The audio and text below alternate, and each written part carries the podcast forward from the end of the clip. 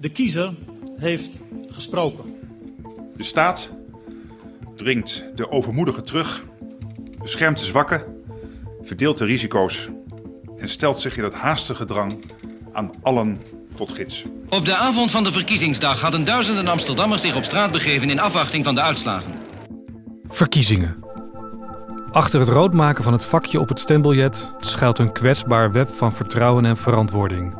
Van afrekening en afspiegeling. Welkom bij Stemmen, een verkiezingspodcast zonder analyses van het premiersdebat of speculaties over exit polls, maar met een blik op het politieke systeem en de machtsverhoudingen daarachter. Een productie van de correspondent in samenwerking met het politicologische blog Stuk Rood Vlees. Gepresenteerd door Armen Hakverdian, politicoloog verbonden aan de Universiteit van Amsterdam. Een Kamerlid heeft een loodzware baan. Het parlement heeft immers drie functies: controleren, wetgeven en representeren. Elk Kamerlid moet dat doen met relatief weinig collega's en een minimale ondersteuning. Daar staan de ministeries die zij controleren tegenover. Dat zijn gigantische organisaties. Wie haar of zijn politieke mening in wetgeving wil omzetten, moet zich storten op grote stapels van vaak zeer technisch geformuleerde wetsvoorstellen. En dat vereist kennis, kunde en een feilloos gevoel voor politieke verhoudingen. Het Kamerlidmaatschap zou je daarom een ambacht kunnen noemen. Vandaag in stemmen staat dit ambacht centraal. Wat vermag een goed Kamerlid? Armen spreekt eerst met Jesse Frederik, correspondent economie, die onlangs het boek Zo hadden we het niet bedoeld schreef over de toeslagenaffaire. Jesse, mag ik een eh, tweet voorlezen van Don Seder, kerstvers ChristenUnie-Kamerlid? Uiteraard. Komt-ie.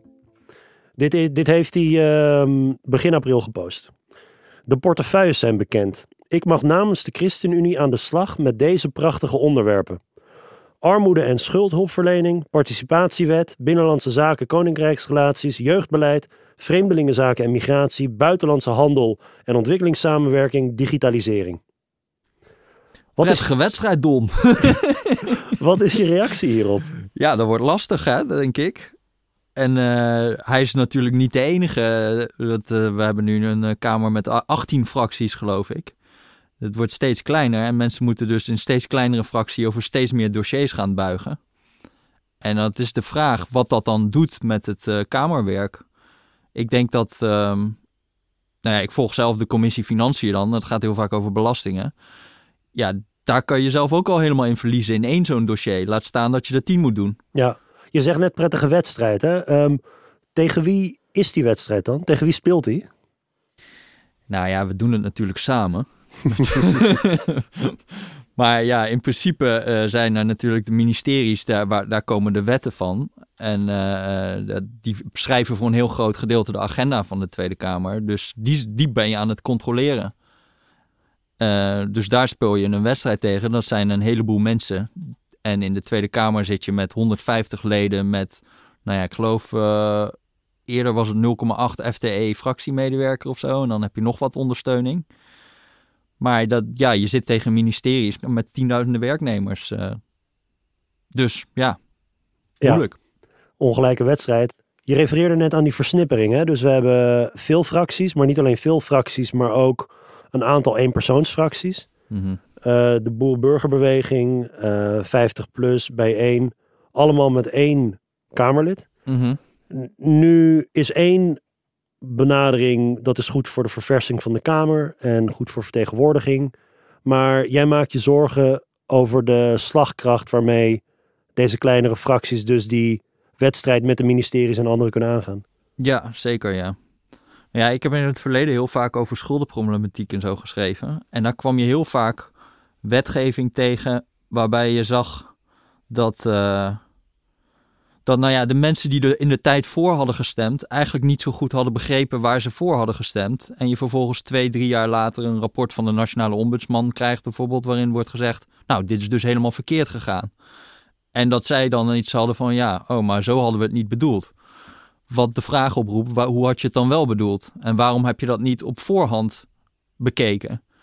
Eh, en ik denk dat daar in het verleden al weinig ruimte voor was, of dat daar, dat daar weinig eh, aandacht voor was, voor, voor wetgeving, maar dat het niet beter gaat worden als je 18 fracties hebt met een heleboel partijtjes die echt drie zetels hebben. Eh, dus ik denk dat een beetje wordt onderschat dat het ook gewoon. Eh, los van dat het goed is dat er meer representatie is, hè, dus dat, dat, dat eh, mensen zich vertegenwoordigd voelen. Het is ook gewoon serieus werk. En het is niet vanzelfsprekend dat als jij allerlei idealen hebt, dat je die ook weet te vertalen in goede wetgeving. Of weet waar je naar moet vragen op het moment dat wetgeving voor je neus komt. En heb jij bijvoorbeeld over die schuldenproblematiek eh, Kamerleden deze vragen voorgelegd? Ja, ik heb daar wel over gesproken, ja zeker. En wat zeggen zij dan over die totstandkoming van wetten? Hè? Dus, dus eh, eh, wetten moeten door het parlement, Eerste, Tweede Kamer. En daar moeten eh, volksvertegenwoordigers hun goedkeuring aan verlenen. En ze stemmen dus voor wetten waarvan ze de inhoud ofwel ja, niet kennen, of ze hebben gewoon te weinig tijd gehad om zich erin te verdiepen, of ze kunnen het gewoon niet overzien dat er gevolgen van nou zijn. ja, dat is dus ook vaak heel moeilijk. Ik kan wel een concreet voorbeeld geven hoor, van dit soort wetgeving. Dus één voorbeeld is dat je op een gegeven moment krijg je eh, de wet administratief-rechtelijke handhaving verkeersvoorschriften. Dat is zeg maar hoe eh, verkeersboetes worden uitgeschreven. En daar wordt de wet aansprakelijkheidsverzekering motorrijtuigen wordt ondergebracht in die wet. Dan denk je van ja, nou ja, lekker boeiend. Het is weer zo'n technisch onderwerpje wat gewoon langskomt. Maar dat kwam erop neer dat hoe we onverzekerde auto's beboeten. Dat werd in één keer eigenlijk volledig geautomatiseerd. Dus eerder moest je elke keer werd je voor de rechter opgeroepen als er werd geconstateerd: hé, hey, jij hebt een onverzekerde auto. En nu werd dat helemaal geautomatiseerd. En elke drie maanden ging er automatisch een boete uit als jouw auto in het kentekenregister stond, eh, maar niet in het verzekeringsregister. En daarbij werd in die wet ook nog afgesproken: als je die boete niet op tijd betaalt, dus niet binnen twee maanden betaalt, dan gaat die keer drie. Dus een boete van 400 euro werd dan in één keer 1200 euro. En eh, eh, eh, in die wet, wet op verkeersboetes is ook nog vastgelegd: je kan geen betalingsregelingen krijgen. Dus je moet dat bedrag in één keer betalen. En als je het niet kan betalen, gaat het dus keer drie. Nou, daar hebben toen in de tijd 150 Kamerleden gewoon voor gestemd. En dat heeft hele ernstige gevolgen gehad. Want in die, in die, in die handhaving van verkeersboetes krijg je daarna... Nou ja, eerst eh, gaat je boete keer drie. Daarna wordt je rijbewijs ingenomen. Daarna wordt je auto weggesleept. En uiteindelijk ga je de gevangenis in. Als je dan nog niet betaalt. En je krijgt daar allerlei rare schrijnende situaties. Dat vooral mensen die bijvoorbeeld hun post niet meer openen. eh, omdat je in scheiding ligt. Of je bent dakloos en je krijgt überhaupt die post niet. Dan kan het, kon het zo zo zijn dat je 30 van die boetes kreeg. Maar ze nooit had geopend totdat er in één keer politie aan je deur staat en jou meeneemt en eh, de gevangenis ingooit. Ja, En, maar dan moet je best wel veel, als je dan zo'n wet voor je neus krijgt. eh, ja, één, het klinkt al heel technisch. En je moet het echt best wel goed kunnen doorgronden hoe dit qua techniek gaat werken. En dat het ook dus bij sommige mensen helemaal verkeerd kan uitpakken als ze bijvoorbeeld hun post niet openmaken. Ehm, en het is niet zo alsof die mensen, zoals, nou ja, ik gaf net het voorbeeld van Don Ceder, alsof zij niet meer hebben te doen. Je moet altijd prioriteren van wat lijkt mij nou belangrijk en wat lijkt mij niet belangrijk. Waar ga ik mijn aandacht op richten? En in dit geval kan ik me ook voorstellen dat je denkt van ja, een of ander technisch wetje, laat maar. ja. maar ehm, je zou dus eigenlijk denken dat op basis van bijvoorbeeld de ideologie van sommige van deze Kamerleden of de partij waar ze zitten, hadden ze eh, tegengestemd als ze hadden geweten dat de uiteindelijke consequentie van deze wetgeving zou zijn dat er mensen inderdaad door de overheid dan in de problemen komen. Dus dat, natuurlijk, ja. Dus dat is het rare, dat je heel vaak moet constateren dat achteraf men eigenlijk tegen had moeten stemmen, maar op het moment zelf met 150 Kamerleden voor heeft gestemd. Kijk, Ja. dat is in zekere zin ook het geval bij die toeslagenaffaire natuurlijk. Dat je, dat waar iedereen heeft nu zoiets van, eh, hoe kan het nou dat al die ouders zo vreselijk hard zijn aangepakt? Terwijl vier, vijf jaar geleden eh, kwam er nog een motie in stemming van, ja, dat was dan bij één gastouderbureau. Kwam er een motie in stemming, moeten we daar niet iets minder hard terugvorderen? Nou, toen heeft volgens mij alleen de SP en Partij voor de Dieren waren daarvoor, die motie. Maar de rest heeft allemaal tegengestemd. En nu krijgen die ouders van dat gastouderbureau allemaal 30.000 euro. En dan vraag je toch af, hè, maar hoe kan dat dan? Dat het, is, is men van mening veranderd in vier, vijf jaar? Of beseft men nu pas waar het, ze eigenlijk, waar, waar het eigenlijk, wat er eigenlijk op het spel stond? Wat mij dus buitengewoon fascineert is wat we verwachten van onze Kamerleden. Mhm. We hebben ho- overduidelijk hoge verwachtingen, want we stemmen op volksvertegenwoordigers. Wat moet die persoon nou doen? Hè? En concreet in dit geval bijvoorbeeld van die schuldenproblematiek of de toeslagenaffaire. Wil je nou dat Kamerleden eigenlijk mee gaan regeren en dat ze genoeg expertise hebben, genoeg tijd hebben om al die dossiers, om die allemaal door te werken? Of gaat het erom dat de Kamer ondersteuning moet hebben en trouwens niet alleen maar van een staf in de Kamer, maar ook gebruik moet maken van instanties als de ombudsman of de rekenkamer of noem maar op. Dat een, een heel groot deel van het uitzoekwerk, dat dat eigenlijk niet op het bord van Kamerleden terechtkomt. Nee, nee dat, eh, eh, eh, ik denk dat dat ook onmogelijk is om te vragen. Dat zij al het uitwerk, eh, uitzoekwerk doen. Tegelijkertijd, je moet natuurlijk wel die rapporten dan lezen. Bijvoorbeeld van de Nationale Ombudsman of van...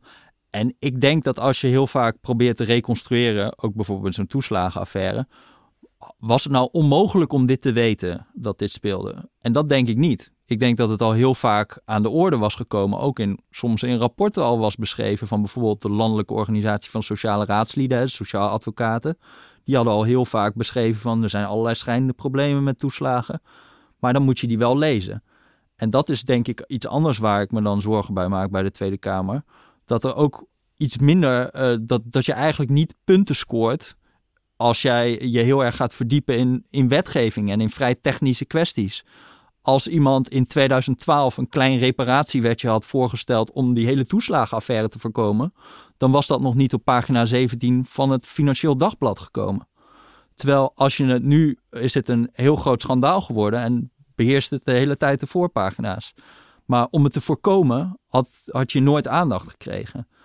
En dat is, als je kijkt naar wat de politieke prikkels een beetje zijn, dan denk ik dat je gewoon meer punten scoort eigenlijk met, met ja, de waan van de dag. En zou dat opgelost kunnen worden met meer structurele ondersteuning? Eigenlijk ook gewoon meer geld. Om uh, Kamerleden te ondersteunen bij het uh, verwerken van al deze dossiers. Ja, kijk. En... Of moet je eigenlijk die wedstrijd überhaupt niet willen aangaan met ministeries? Um, nou ja, kijk, daar is ook heel erg de vraag. Je hebt dus een, wel een. Wat, wat gaat er gebeuren als jij twee keer zoveel fractieondersteuning uh, hebt? Gaat dat naar mensen die die rapporten gaan lezen? Of gaat dat naar content creators die mooie Instagram-filmpjes maken? Hè? Dat heb je nu ook gezien. Nu is er geld bijgekomen bij de Tweede Kamer. En het is niet gezegd dat zij, dit als zo'n fractie meer budget krijgt, dat ze het dan gaan besteden aan soort van zinnig op de inhoud. En dat vraag ik me ook af. Kijk, ik ben er op zich voor dat er veel meer ondersteuning komt, ook in de Tweede Kamer. Maar er zit ook iets in die parlementaire cultuur dat het heel erg gedreven is door incidenten en door, door de nieuwscyclus. En in toenemende mate, zeker als je nou straks 18 fracties krijgt van die willen ook terugkomen in de Tweede Kamer. Ja, dan wil je ook in de kijker spelen op een of andere manier. En door die toegenomen electorale competitie ben ik wel bang dat het nog minder inhoud gedreven wordt. En um, stel dus, je had het net over dat wetgevingsproces hè, rondom bijvoorbeeld die schuldenproblematiek. En om tal van redenen kunnen Kamerleden dat niet op het netvlies hebben. En achteraf misschien zelfs spijt hebben dat ze, dat ze voor zoiets hebben gestemd. Wie springen er dan in dat machtsvacuum? Dus als Kamerleden uh, verstek laten gaan of verzaken. Ja, in sommige gevallen ook echt letterlijk verzaken, omdat ze nauwelijks in de Kamer komen, want ze zijn bezig met um, ja, andere dingen. Ja, uh, nou ja, PVV, Forum voor Democratie, daar zie je wel heel duidelijk dat die ook niet serieus zijn in hun Kamerwerk. Ja. En los van het waardeoordeel wat je erover kan hebben over die partijen, zij doen ook gewoon echt, zij zijn ook niet heel serieus als je ziet bij die wetsbehandelingen en zo. Wie, wie duiken er dan in? Zijn dat uh, ambtenaren? Zijn dat uh, lobbygroepen? Wat, wat, voor, ja, wat voor soort belangen duiken in dat, dat, dat vacuüm en zorgen ervoor dat die wet dus wel dingen bevat waar misschien Kamerleden inhoudelijk niet zo voor zijn. Uh, nou ja, in de eerste instantie natuurlijk schrijven die, worden die geschreven door de ministeries. Ja, wat mij altijd opvalt bij bijvoorbeeld belastingbeleid. Dat je ziet uh, altijd, je kan op internetconsultatie.nl, daar wordt dan een, een, een belastingplan bijvoorbeeld, uh, wordt alvast gepubliceerd. En dan kunnen daar belangenorganisaties of jij en ik kunnen daar ook op reageren. Iedereen kan daarop reageren. En je ziet dan vaak een enorm kwalitatief verschil tussen zeg maar, de reactie van uh, VNO-NCW, dus de grote werkgeversorganisatie, of de Nederlandse Orde van Belastingadviseurs. Die reageren heel vaak op van die belastingvoorstellen. extreem gedetailleerd, echt op artikelgewijze toelichtingen van heel erg op, op, op een heel concreet niveau leveren zij commentaar. En daar wordt ook vaak, ja, je ziet bijvoorbeeld altijd dat de VVD dan tijdens de wetsbehandeling vraagt: kunt u misschien op alle kritiek van de Nederlandse Orde van Belastingadviseurs reageren? En ja, ik denk dat omdat zij ook op zo'n super concreet niveau zitten van wetgeving, dat zij behoorlijke invloed hebben, die lobby. Ik denk ook dat daardoor lobby vaak effectief is, omdat zij juist extreem concreet zitten en dat je soms bij Kamerleden, dat zij veel meer op een grote afstand in de abstractie zitten van wij zijn tegen belastingontwijking. Ja, maar kan je ook het herkennen als het voor je neus zit? Ehm, dus die springen daar wel in. daardoor kan lobby effectief zijn. En ook aan de andere kant natuurlijk. Hè, je hebt ook natuurlijk linkse belangengroepen soms die, uh, die gewoon wel op wetgeving zitten. op het belastingdossier bijvoorbeeld nauwelijks. Terwijl dat toch een dossier is dat als het gaat om herverdeling van middelen. Ja. Is dat toch een van de belangrijkste knoppen waar je aan zou moeten draaien? Ja, ja, ja, ja. Nou ja, dat is het fascinerende ook. Uh, van, dat is, je, je, hebt, uh, je hebt bij de overheid de 300 miljard aan overheidsuitgaven. Daar zijn allerlei commissies over in de, in de Tweede Kamer. Die gaan daar allemaal over. Dan heb je 300 miljard aan overheidsinkomsten. Dat is één commissie. Die moet dat allemaal regelen. En ja, dat, dat is dus ook uh, qua het Don Ceder-effect totaal, totaal onmogelijk. Je ziet ook die belastingplannen worden alsmaar groter. En als je een quizvraagje zou doen bij een Kamerlid van... weet jij welke 60 wetswijzigingen er nu in het belastingplan van 2019 staan? Nou, ik denk niet dat hij ze allemaal kan opnoemen. Hoe ziet voor jou dan het ideale Kamerlid eruit? Het meest effectief ben je, denk ik, als je, als je goed in staat bent om zeg maar die uh, abstracte idealen van je partij om te zetten in concreet beleid. Dus dat je weet, als ik tegen belastingontwijking ben, dan moet ik dit en dit doen. Tegelijkertijd moet je daar dus ook een soort van goed, goed kunnen weten van uh, uh, wat zijn de grote posten en wat zijn de kleinere dingen. Want als je realistisch bent, kan je al het werk niet doen. Een heel, veel, heel groot gedeelte van wat een Kamerlid doet, moet op de automatische piloot. En je moet gewoon zeggen, daar ga ik akkoord mee, dan hoop ik maar dat het goed gaat. En, maar hier ga ik wel mijn aandacht op richten. Dus dat betekent ook dat je goed kan prioriteren van wat is nou een grote post qua belastingen bijvoorbeeld. Hier moet ik op letten. En dit is wat kleiner en dit kan ik gewoon laten gaan. Ehm, en in hoeverre moet een Kamerlid eigenlijk ook die wedstrijd met de ministeries überhaupt niet aangaan? Ja, ja, dat is onmogelijk. Kijk, als er 60, 60 wetswijzigingen in één belastingplan komen, dan ga je die echt niet allemaal uh, doorlezen. Of dan kan je, kan je echt niet van allemaal beseffen hoe dat precies in elkaar steekt. Dus ja, je, dat, dat is misschien nog ook iets wat een Kamerlid goed moet doen. Hij moet ook gewoon zo goed laten adviseren door mensen die daar e-, echt in zitten. Uh, die er wel iets van weten. En die jou kunnen vertellen van, oh, hier moet je echt even op letten. Dit kan fout gaan. Meer vertrouwen op externe instanties. Ja. Zijn die al vroeg genoeg betrokken bij dat wetgevingsproces dat die ook Ehm, input kunnen leveren? Of komen die achteraf om uh, goedgekeurde wetgeving te beoordelen? Of zitten die echt al in dat wetgevingsproces Uh, nou ja, je hebt bijvoorbeeld altijd de Raad van State. Hè? Dus die geeft op elk, uh, elk wetsvoorstel een, een, een kritiek. Nou, dat kan je altijd lezen en dat wordt ook zeer regelmatig wordt dat genegeerd als die, als die punten aanleveren. Um, maar ja, het verschilt een beetje per, per wet. Maar jij ziet bijvoorbeeld wel bij internetconsultaties al heel veel commentaar van belangenorganisaties en zo.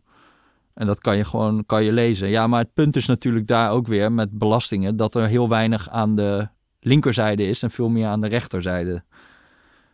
Dus uh, ja, misschien zou je eens een keer je eigen wetenschappelijk bureau een paar fiscalisten kunnen laten inhuren. En dan, dan volgens mij kan je dan een heleboel bereiken. Die hebben ook niet al te veel FTE's te verdelen natuurlijk. Nee, oké, maar er zitten ook wel veel mensen die vage kritiek uh, van het neoliberalisme zitten schrijven... in plaats van concreet op uh, belastingpolitiek zitten. Dus als we even kijken naar wat er nou precies terecht komt van onze stem als burgers. We kiezen natuurlijk mensen om ons inhoudelijk te vertegenwoordigen. Mm Wat is er dan nodig om dat echt tot wasdom te laten komen? Ja, ik denk, wij, wij stemmen vaak op allerlei politieke partijen vanwege hun overtuigingen. Maar ik denk een beetje dat overtuigingen soms overgewaardeerd zijn. Dus het gaat eigenlijk niet per se altijd om de overtuiging, maar of jij kan handelen naar die overtuiging. En je hebt er niet heel veel aan als jij eh, allemaal nobele woorden hebt over je strijd tegen neo- neoliberalisme. Maar uiteindelijk niet weet dat je een algemene hardheidsclausule moet hebben in de Algemene Wet inkomensafhankelijke regelingen. Wil je echt burgers behoeden van grote ellende? Dat past niet eens in één tweet, Jesse. Nee. nee, oké. Maar ik, ik bedoel, ik zou. eh, ik hoop dat mensen daar wat meer. eh, of Kamerleden en zo, daar wat meer aandacht op richten. Ook op zorg ervoor dat die overtuigingen ook werkelijkheid worden.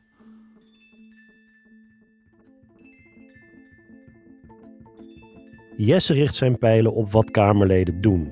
Maar wat Kamerleden doen hangt ook af van wie ze zijn. Op 17 maart brachten bijna 10,5 miljoen personen hun stem uit. Het meest concrete gevolg van die stem is dat de Tweede Kamer er van de ene op de andere dag totaal anders uitziet. 17 partijen, een naoorlogsrecord, en maar liefst 69 nieuwe Kamerleden. Op sommige punten is de Tweede Kamer diverser geworden.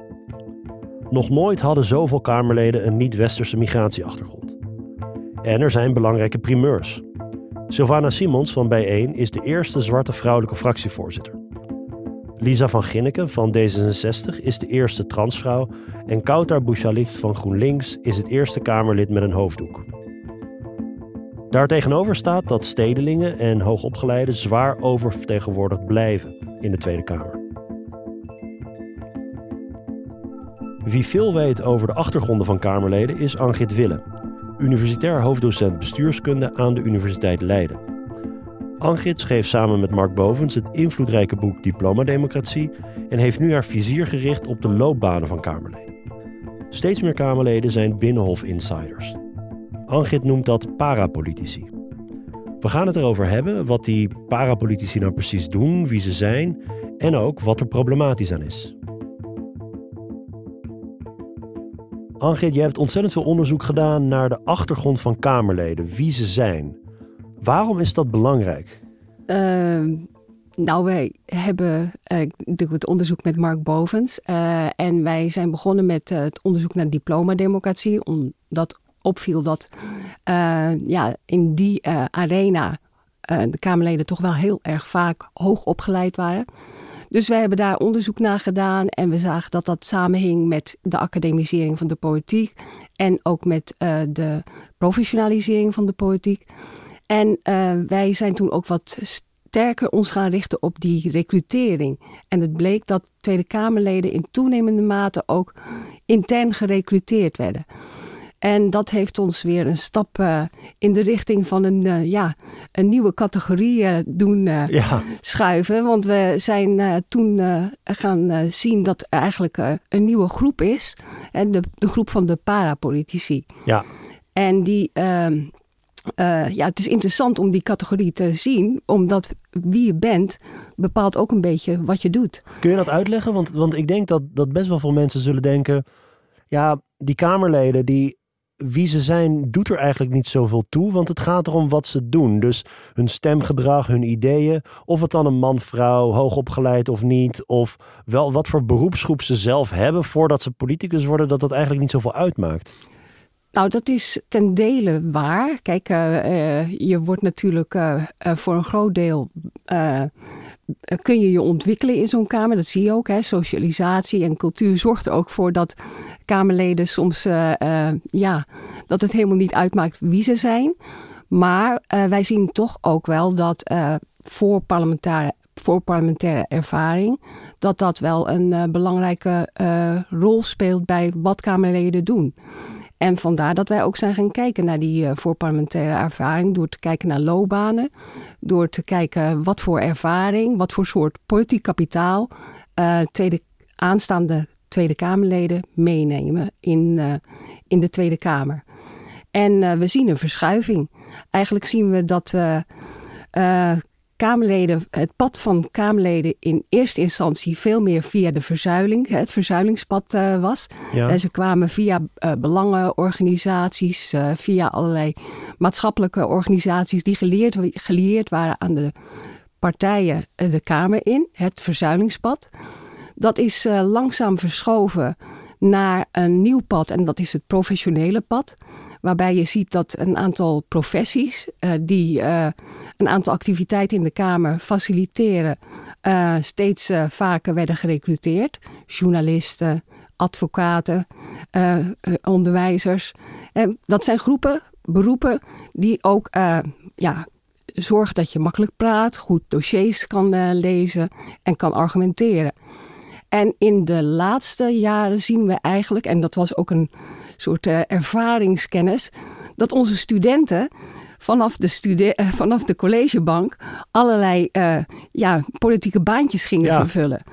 dus direct vanaf de collegebank gingen ze als fractiemedewerker of als bij een, bij een public affairs bureau stage lopen en daarna gewoon verder in ja, dat parapolitieke domein. Ja. Dus, dat is interessant. Dus je zag ook, ook een beetje in je eigen omgeving, zag je gewoon oud-studenten die je kende uit de collegezaal op, opduiken in belangrijke politieke functies. Ja, wij zien, uh, ik uh, werk bij bestuurskunde en daar zijn heel veel studenten die stages lopen bij uh, public affairs, bij de Tweede Kamer, bij als beleidsmedewerker of fractiemedewerker of bij een aantal van die maatschappelijke organisaties die zich heel sterk richten op dat binnenhof. Dus dat uh, was een, uh, een uh, observatie. En die sloot ook wel aan bij wat we zagen in, in onze studie naar achtergronden. Dat heel veel van die Kamerleden eigenlijk ja, via dat parapolitieke circuit, hè, via dat parapolitieke pad, eigenlijk de Kamer instroomden. Ja, zullen we even inzoomen op dat parapolitieke pad? Want wat betekent het precies dat dus de politieke loopbanen steeds meer via deze route uh, ja, eigenlijk gestalte krijgen. Wat, wat voor soort functies zijn dat dan, die, die schil daar uh, rond, het, rond het Binnenhof? Nou, wij maken een onderscheid tussen drie uh, typen parapolitici. Hè. De eerste, tweede en derde orde zou je kunnen zeggen. En de eerste orde, dat zijn uh, de, de politieke assistenten, de politieke adviseurs, de fractiemedewerkers, de uh, voorlichting, de communicatie, die allemaal echt al in die, uh, bij de minister of bij uh, de Tweede Kamer ervaring hebben opgedaan. En dat is de inner circle, zou je kunnen zeggen. Die zijn gepokt en gemazeld, die weten hoe de hazen lopen. Die hebben heel veel RK-ervaring met dat politieke handwerk opgedaan. Ja. dat is een belangrijke vorm voor, van politiek kapitaal als je Kamerlid wil worden natuurlijk. Want je weet heel veel van de ins en outs van het Kamerwerk. Je zit daar goed inge, ingewerkt eigenlijk. Um, de, tweede, de tweede orde parapolitici, dat zijn de, de partijbestuurders, de partijdieren. Die hebben gewerkt op het wetenschappelijk bureau van een politieke partij of bij het partijbestuur. Dus die zijn eigenlijk veel meer aan de politieke partij ge gelieerd. En hebben daar hun de, de kost verdiend. Ja. want het, daar gaat het natuurlijk om met parapolitici. Ze zijn geen echte politici, maar ze zijn ondersteunend. En de derde categorie parapolitici, dat zijn de. Uh, ja, dat, zijn de, dat is de ring die daar een beetje buiten ligt. Dat zijn de uh, ambtenaren op het departement, op de ministeries. Dat zijn de public affairs, hoe heet het? Um, mensen die uh, proberen de, te lobbyen, die proberen iets meer, meer uh, toegang te krijgen tot het Binnenhof, die heel sterk gericht zijn op het Binnenhof. Al die maatschappelijke organisaties, die proberen toegang te krijgen tot de Tweede Kamer of het, het ministerie, de ministeries. En hoe groot is deze groep? Dus hoeveel, welk percentage van Kamerleden wordt gerecruiteerd uit deze parapolitieke uh, schil? De groep waar het om gaat is uh, uh, rond de 60 Kamerleden die, die parapolitieke achter, achtergrond hebben. Dat is dus meer dan een derde van de, van de nieuwe Kamerleden. Die, of van de Kamerleden die die parapolitieke achtergrond heeft. Dus die voordat ze het parlement betreden, eigenlijk ja, al al heel lang op dat binnenhof zijn gericht en hebben rondgehangen. Voor mij is de hamvraag: wat voor gevolgen heeft dit voor het functioneren van de Kamerleden zelf en misschien ook van de hele Tweede Kamer? Het gevolg van de groei in parapolitici voor het functioneren van de Tweede Kamer is uh, dat er um, dat kan consequenties hebben voor de representatieve functie. En, uh, we zien dus uh, dat een van de problemen is dat Kamerleden soms niet voldoende herkenbaar zijn voor, voor kiezers. de idee van één pot nat, Haagse kliek. Dat wordt eigenlijk ook bevestigd door de groei in de groep van parapolitici. Um, dus dat die herkenbaarheid, die representativiteit, wordt in principe um, steeds minder, ook door uh, de groei van, van deze categorie.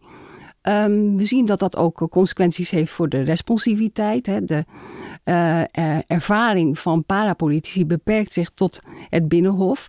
Het betekent ook misschien dat zij minder in staat zijn om een aantal zorgen, aantal problemen of een aantal voorkeuren die uh, voor, van de achterban die zij moeten vertegenwoordigen goed kunnen vertalen.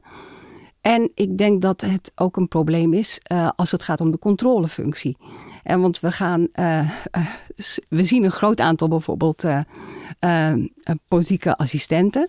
Die hebben bij de verschillende ministers al een, hun ervaring opgedaan. Ja, het is toch lastig om um, ja, ministers die je zelf hebt ondersteund, om die goed te, te bevragen, te ondervragen, te controleren. Het zijn misschien ook mentoren van je geweest. Of je hebt ook een bepaalde, nou ja, loyaliteit misschien jegens een, een persoon. Niet alleen wegens een partij, maar er is een bepaalde afhankelijkheidsrelatie geweest. Zeker. Als je, nou het is een voorbeeld. Misschien Sophie Hermans is natuurlijk uh, assistent geweest bij uh, uh, Rutte. Nu is haar zus assistent bij Rutte. Het maakt het dualisme toch wel lastig als je, als je zo verknoopt bent met, met degene die je moet controleren. Ja, en Herman was eerst bij Wiebes in Amsterdam, dacht ik. Toen vervolgens bij Wiebes als minister. Ja. die, dus die heeft ook um, die ervaring als politiek assistent van andere senior VVD-politici. maar is maar, dat niet maar ook brengt een... ook weinig buitenparlementaire ervaring mee, zou je kunnen zeggen. Maar is het niet ook een voordeel dat je mens, op mensen vertrouwt die hun sporen hebben verdiend in het Haagse? Um, die een bepaalde vorm van expertise meebrengen, die je niet hoeft in te werken. Dus het is eigenlijk um, in het oog. Nou ja, het is risicomijdend gedrag van partijen misschien. Maar het kan ook ervoor zorgen dat Kamerleden een soort van vliegende start maken. op het moment dat ze al die berg aan ervaring meenemen. Uh, ja, dat, uh, dat telt natuurlijk, die ervaring. Want die zorgt voor twee belangrijke componenten in het Kamerwerk, denk ik: invloed en informatie.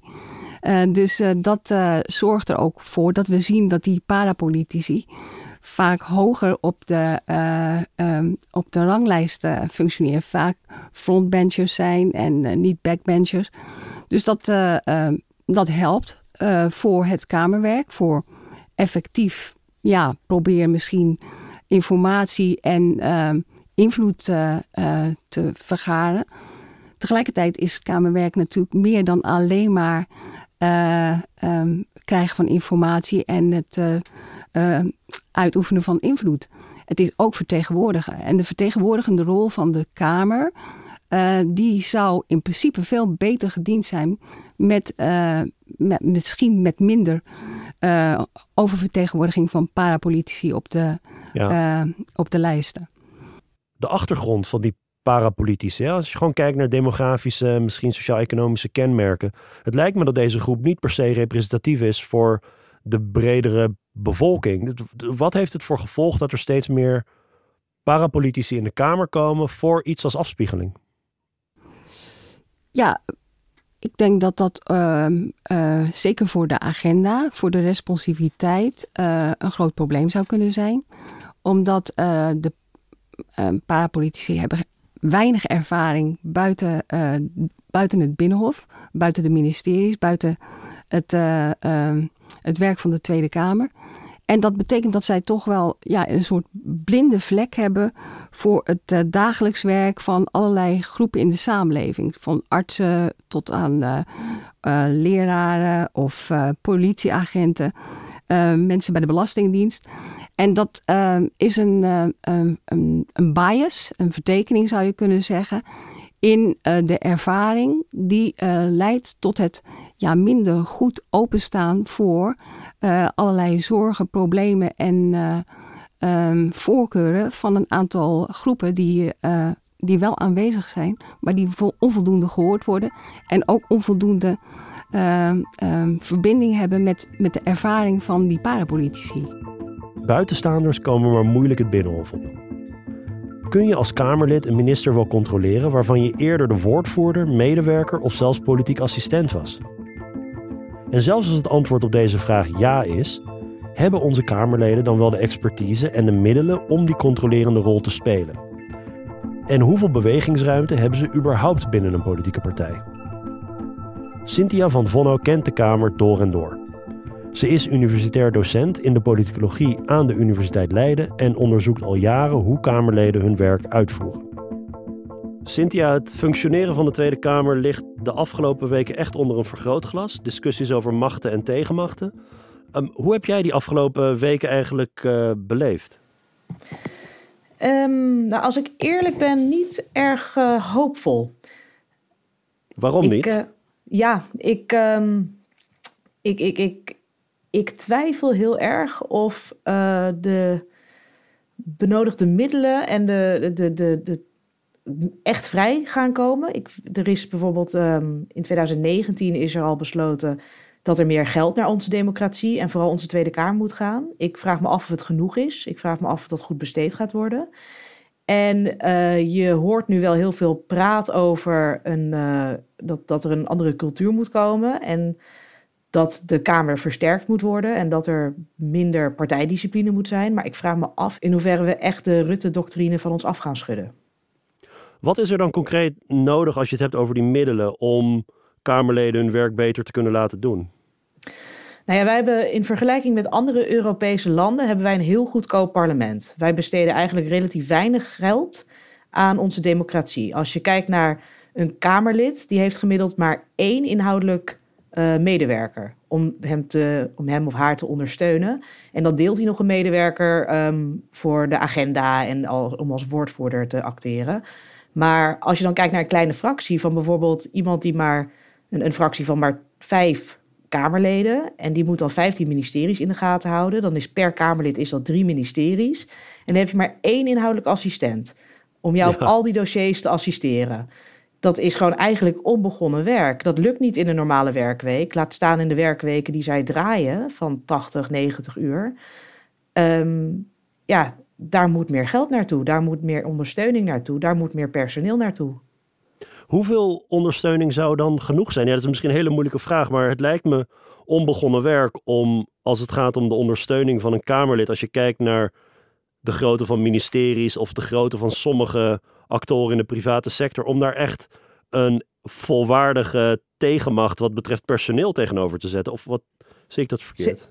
Ja, nee, zeker. Ik denk dat dat heel lastig is. Maar wat we nu doen is, um, we vragen het onmenselijke. En het is om, zo, zo gaat het ook niet. Het is, het is heel lastig, want je hebt gewoon een kleine organisatie, het parlement, die tegenover die enorme ministerie staat. Dus het is sowieso lastig, uh, maar het kan veel beter dan wat we nu doen. En hoeveel zou genoeg zijn? Um, ik weet dat um, er wordt wel eens gezegd van in ieder geval één Kamerlid per ministerie. Dus dat zou betekenen een vergroting van het aantal zetels en een ophoging van het aantal Kamerleden. Het risico dat je dan loopt is dat er nog meer versnippering is. Kan je dan garanderen dat je 12, minimaal 12 Kamerleden per fractie hebt?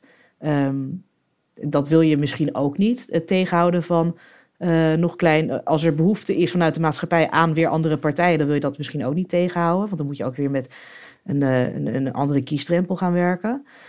Um, dus dan is de optie, als je dat niet wil doen of niet kan doen, um, voor die redenen, dan is de optie ja, meer personeel, dus meer ondersteuning. Dus meer, dus één Kamerlid eh, gewoon een team geven van vier, vijf medewerkers. Uh, en ze misschien ook bepaalde rechten geven, zoals dat ze in, uh, in commissies mogen zitten. Ehm, dat nog wel de Kamerleden er alleen zijn in de plenaire zaal voor de stemmingen. Ehm, maar dat je ook echt gewoon per Kamerlid meer dat ziet als team en niet als individu. Hoe gaat dat precies in zijn werk, die commissies? Nou ja, momenteel is het zo dat je hebt een aantal commissies en dat is uh, voornamelijk verdeeld aan de hand van ministeries. Uh, soms wordt er besloten om wat extra commissies te hebben aan de hand van thema's. Um, en dan is het in principe zo dat die commissies worden opgedeeld uh, aan de hand van de, de, de fracties. Dus bij grotere fracties heb je één fractielid per commissie, soms twee, en dan worden de thema's binnen een uh, commissie, dus binnen een ministerie verdeeld. Maar als je dus een kleine fractie hebt, dan zit jij namens jouw fractie in drie, vier, vijf verschillende commissies. En dan ben je eigenlijk de hele tijd van commissievergadering naar commissievergadering aan rennen. Je hebt eigenlijk geen tijd om, te voor, om voor te bereiden. En je mist ook vaak vergaderingen, omdat ze tegelijkertijd worden gepland. Dus ja, dan kan je je werk niet goed uitvoeren, lijkt mij. Dus ja. als daar meer mensen zouden zijn die die commissies zouden kunnen doen, uh, dat werk zouden kunnen verdelen, dan zou dat al schelen. Hoeveel individuele ruimte hebben Kamerleden eigenlijk los van hun partij? Dat ligt heel erg aan de partij. Um, en of de partij deelneemt aan de regering. In de regering het minste. En dan heb je sommige partijen die hanteren vrij um, strakke, we kunnen het discipline noemen. Ik nuanceer dat een beetje. dat is een um, beetje die, die, die befaamde fractiediscipline. Ja, ja, nou ja, je hebt natuurlijk. Uiteindelijk be, be, komt dat allemaal neer op fractie-eenheid. Uh, dus dat je als partij, als, als fractie, als één optreedt, als één stemt. Um, en dat is op zich niet slecht. Um, alleen het is de manier waarop je er komt dat problematisch kan zijn. Dus bijvoorbeeld door te specialiseren. Um, doordat je als fractie bijvoorbeeld of als Kamerlid maar in bepaalde commissies zit, heb je natuurlijk op bepaalde commissiesgebieden heb je alleen maar expertise. Als ik gespecialiseerd ben in zorg, heb ik geen tijd om me ook nog te focussen op de partijpositie of wat er gebeurt in de commissie over het ministerie van Financiën. Dus dan vertrouw ik op mijn Kamer of mijn fractiegenoot om de partijlijn te volgen en als dat niet lukt, om de partijlijn te bepalen. En dan als ik ga stemmen, dan moet ik vertrouwen op de mening van mijn Kamerlid. En dan heb je dus dat een partij als eenheid kan stemmen. En dat vertrouwen door die ja, division of labor, door die specialisatie, dat is, uh, dat is een, een, een manier om tot partijeenheid te komen. Het probleem ontstaat als uh, jij een andere mening hebt dan jouw fractie op een bepaald gebied. En jij niet de rest weet te overtuigen daarvan. En dus toch um, of tenminste het probleem, de spanning ontstaat als je anders wil stemmen en jouw partij houdt vast aan een andere positie. En dan komen we tot de spanning van, ja, wat is belangrijker, de partijeenheid of de vrijheid van het individuele Kamerlid? Uh, en de vrijheid van het individuele Kamerlid, dat staat natuurlijk vast in de grondwet. Uh, maar wij stemmen, en wij stemmen ook op individuen, maar ja. we stemmen ook op partijen. Ja. Dus ja, wat, is, wat weegt dan zwaarder mee? En daar merk je dat de vrijheid van een individueel Kamerlid, als hij wat anders wil doen dan de partij, en de partij is daar heel strak in, daar, daar, creëert de, daar wordt de spanning gecreëerd. En dat is sterker in regeringspartijen dan in oppositiepartijen in het algemeen. Ja, dat, daar wilde ik even op terugkeren. Wat, wat is precies. Want het risico bestaat een beetje dat we praten over de Kamer en Kamerleden. Maar het lijkt me nogal wat schelen of jij onderdeel bent van een oppositie met name ook als het gaat om iets als een controlerende taak, dan wanneer jij een regeringskamerlid bent, waarbij je niet alleen te maken hebt met je fractie, maar ook een regeerakkoord, misschien ook partijloyaliteit. Ik bedoel, er zitten allerlei senior mensen van je partij in het kabinet. Dat, dat lijkt me een, niet een situatie waarbij je je nou lekker kunt ontplooien als Kamerlid. Nee, nee en in ieder geval niet op je, uh, nou, op, op je drie belangrijkste functies. Dus als jij een andere groep wil, als je een bepaalde groep wil vertegenwoordigen die nu een nadeel beleeft aan het kabinetsbeleid, heb je een probleem. Als jij uh, het kabinet wil controleren op iets waar het niet goed gaat, heb je een probleem. En als je wetgeving wil invoeren dat tegenstrijdig is met het kabinetsbeleid, heb je ook een probleem.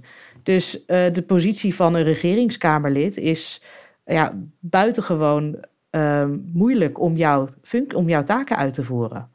Um, en daarnaast is natuurlijk je partijdiscipline of partijeenheid. Maar doordat je inderdaad in die regering zit of in die coalitie zit, moet je dus ehm, allemaal water bij de wijn doen. En voor dingen stemmen waar je eigenlijk tegen bent. Niet alleen als individu, maar ook als partij. En dat wringt natuurlijk verschrikkelijk.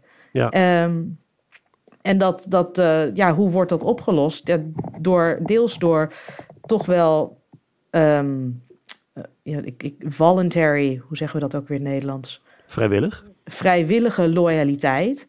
Eh, omdat je weet van, nou ja, ik heb wel, uh, weet je, mijn zin of mijn punt kunnen maken op deze beleidsterreinen. Dit hebben we wel binnengehaald, dus ik leg water bij de wijn, ik doe het vrijwillig. En dan door partijdiscipline inderdaad. Uh, en discipline is dat het onvrijwillig wordt opgelegd, dat er wordt gedreigd met sancties, dat er wordt gedreigd met dat je volgende keer niet op de kieslijst komt te staan of op een onverkiesbare plek wordt gestaan of dat het gezet of dat het daadwerkelijk gebeurt. Dus ja, en dat speelt waarschijnlijk een grotere rol nu bij coalitiepartijen dan uh, bij oppositiepartijen. Hoe groot is die fractiediscipline? Hoe, hoe, uh, hoe vaak uh, zie je eigenlijk dat Kamerleden afwijken van de partijlijn? Ja, je hebt aan de ene kant de stemmingen, maar je hebt natuurlijk ook de, de intenties, die, die zie je misschien niet eens. Maar hoe, hoe, hoe meten we dit? Hoe, hoe, nou, dat is heel precies? lastig. Mijn, ik wilde mijn proefschrift daarover houden. En, uh, of daarover doen. Dus over hoe komen we tot die partijeenheid. En hoe we zien, want wij zien alleen de stemming. En als je kijkt naar de stemming, dan is partijeenheid in Nederland echt super, super strak. Dat is ook vaak zo in landen waar er meerdere partijen zijn. Um, maar in Nederland is het echt buitengewoon strak. Uh, het aantal keer dat er iemand anders stemt dan hun fractie is op één hand te tellen per jaar. Um, dus het gebeurt bijna niet. Maar wat gaat eraan vooraf? Nou ja, dan hebben we dus inderdaad het vrijwillige basis en de onvrijwillige basis. En wat we wel zien uit mijn onderzoek is dat er wel een grote vrijwillige basis is. En dat wordt gecreëerd door die specialisatie. Doordat je gewoon geen tijd hebt om een mening te vormen. Um, doordat je het gewoon eens bent met je partij. En doordat je denkt van nou ja, ik, ik, ik ben toch loyaal, loyaal aan mijn partij. Ook al ben ik het niet eens, omdat ik wel zie dat het in het belang van de partij is. Uh, maar achter discipline komen, erachter komen hoe vaak dat nou eigenlijk gebeurt, daar is ons bewijs eigenlijk heel erg anekdotisch voor. Dat is eigenlijk, bestaat dat voornamelijk uit partijen die, of uh, Kamerleden die achteraf uit de school klappen en vertellen hoe sterk het was. Voor mijn onderzoek wilde ik eigenlijk bij de fractievergaderingen aanwezig zijn. Maar dat mocht natuurlijk niet. Nee, nee. Dat zou wat geweest zijn, zeg? Ja, ja dat, uh, dat was leuk geweest. Maar aan de andere kant Um, ja, had mijn aanwezigheid waarschijnlijk ook al de fractievergadering beïnvloed natuurlijk. En er gebeurt ook heel veel uh, één op één, niet altijd in de vergadering zelf. Maar uh, we komen er moeilijk achter. Ze willen dat expres. ik, ik vrees dat het vaker gebeurt. Ik vrees dat het niet. Ja, een groot deel is vrijwillig van die partijeenheid. Maar ik denk wel dat partijdiscipline een grotere rol speelt dan dat we nu zien. En wat vinden Kamerleden zelf? Want je hebt ook heel veel onderzoek gedaan naar de voorkeuren van Kamerleden. Je uh, interviews gedaan, uh, enquêtes onder Kamerleden uitgevoerd. Hoe zien zij zelf hun eigen rol en hoe die tot wasdom komt? Dingen over ondersteuning, over dualisme? Nou ja, hoe heet het? Eigenlijk, een, zij zouden graag ook zien dat er meer geld tegenaan wordt gegooid, dat er meer ondersteuning komt. Um, en zij erkennen ook dat we nu in een beetje in een cultuur zijn gekomen van dat de Kamer gesplitst is aan de hand van oppositie versus regering of versus coalitiepartijen. En dat zien, um, dat, dat zou men ook anders willen. Alleen het is heel moeilijk om daaruit te komen. En het is moeilijk om dat hardop te zeggen, want dan loop je het risico dat je weer gedisciplineerd wordt. Dus Um, de, de, de, de onderzoeken die ik heb gedaan waren geanonimiseerd. En nou, daaruit blijkt dat daar wel een behoefte, dat daar, dat, dat, het wordt erkend als probleem.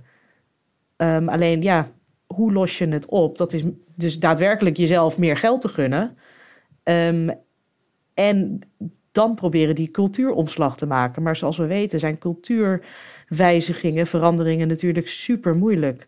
Ook al is het binnen een organisatie. Ja, ja, in het licht van alles wat je vertelt, is het toch ook um, wonderbaarlijk dat iemand als Pieter Omzicht überhaupt bestaat. Iemand ja. in een regeringsfractie die op zo'n manier omgaat met het Kamerlidmaatschap. Zelf ook natuurlijk via een achterdeur binnengekomen in de Kamer. Of achterdeur, dat klinkt heel denigerend, via voorkeurstemmen. Hij was op een onverkiesbare plek gezet.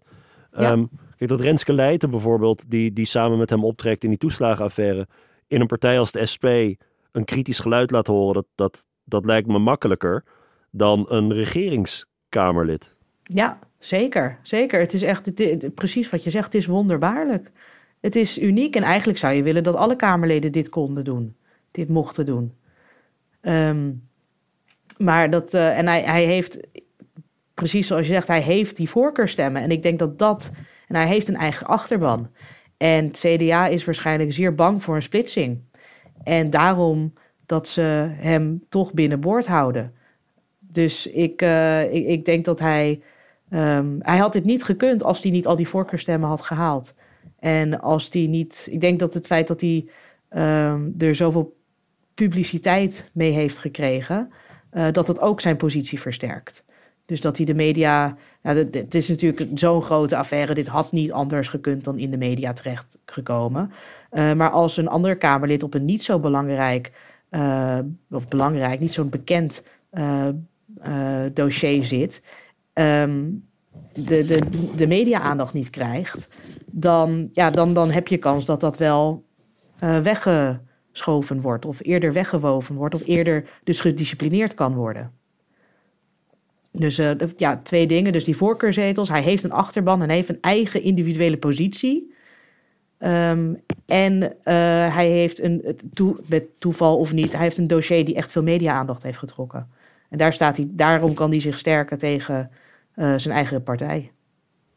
Wat is er nou precies nodig om een succesvol Kamerlid te zijn dan? Nou ja, dat ligt eraan in de ogen van wie. Ehm, dus als jij succesvol wil zijn in de ogen van een kiezer, dan lijkt mij het belangrijk dat jij jouw drie taken, vertegenwoordiging, controle en wetgeving, goed kan uitvoeren. En daarvoor zijn meer middelen nodig en een andere cultuur.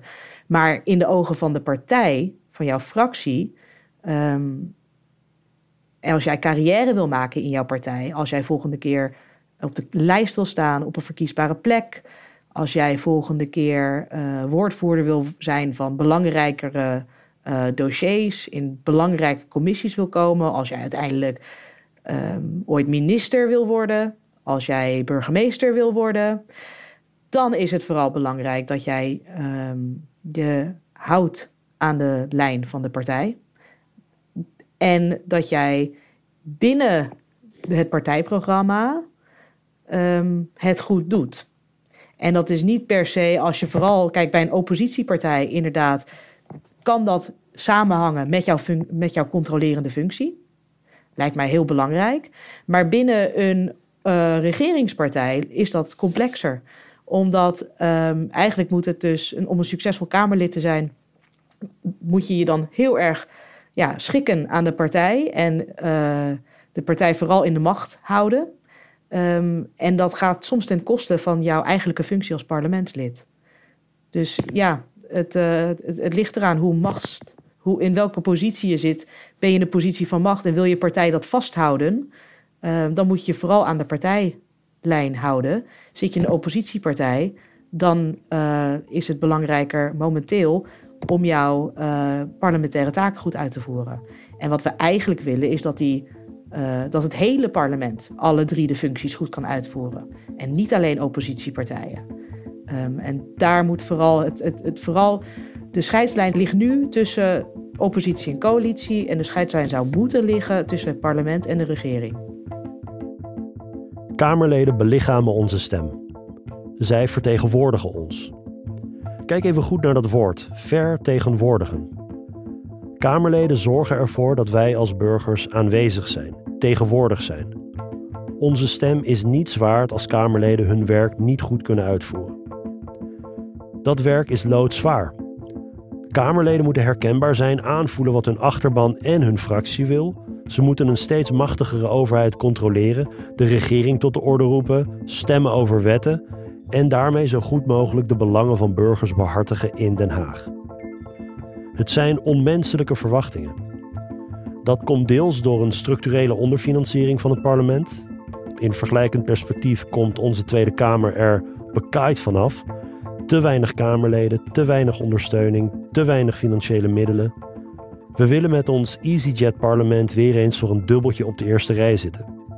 Tel daarbij de grote uitdagingen van deze tijd op. klimaatverandering, structurele ongelijkheden, gezondheidscrisis.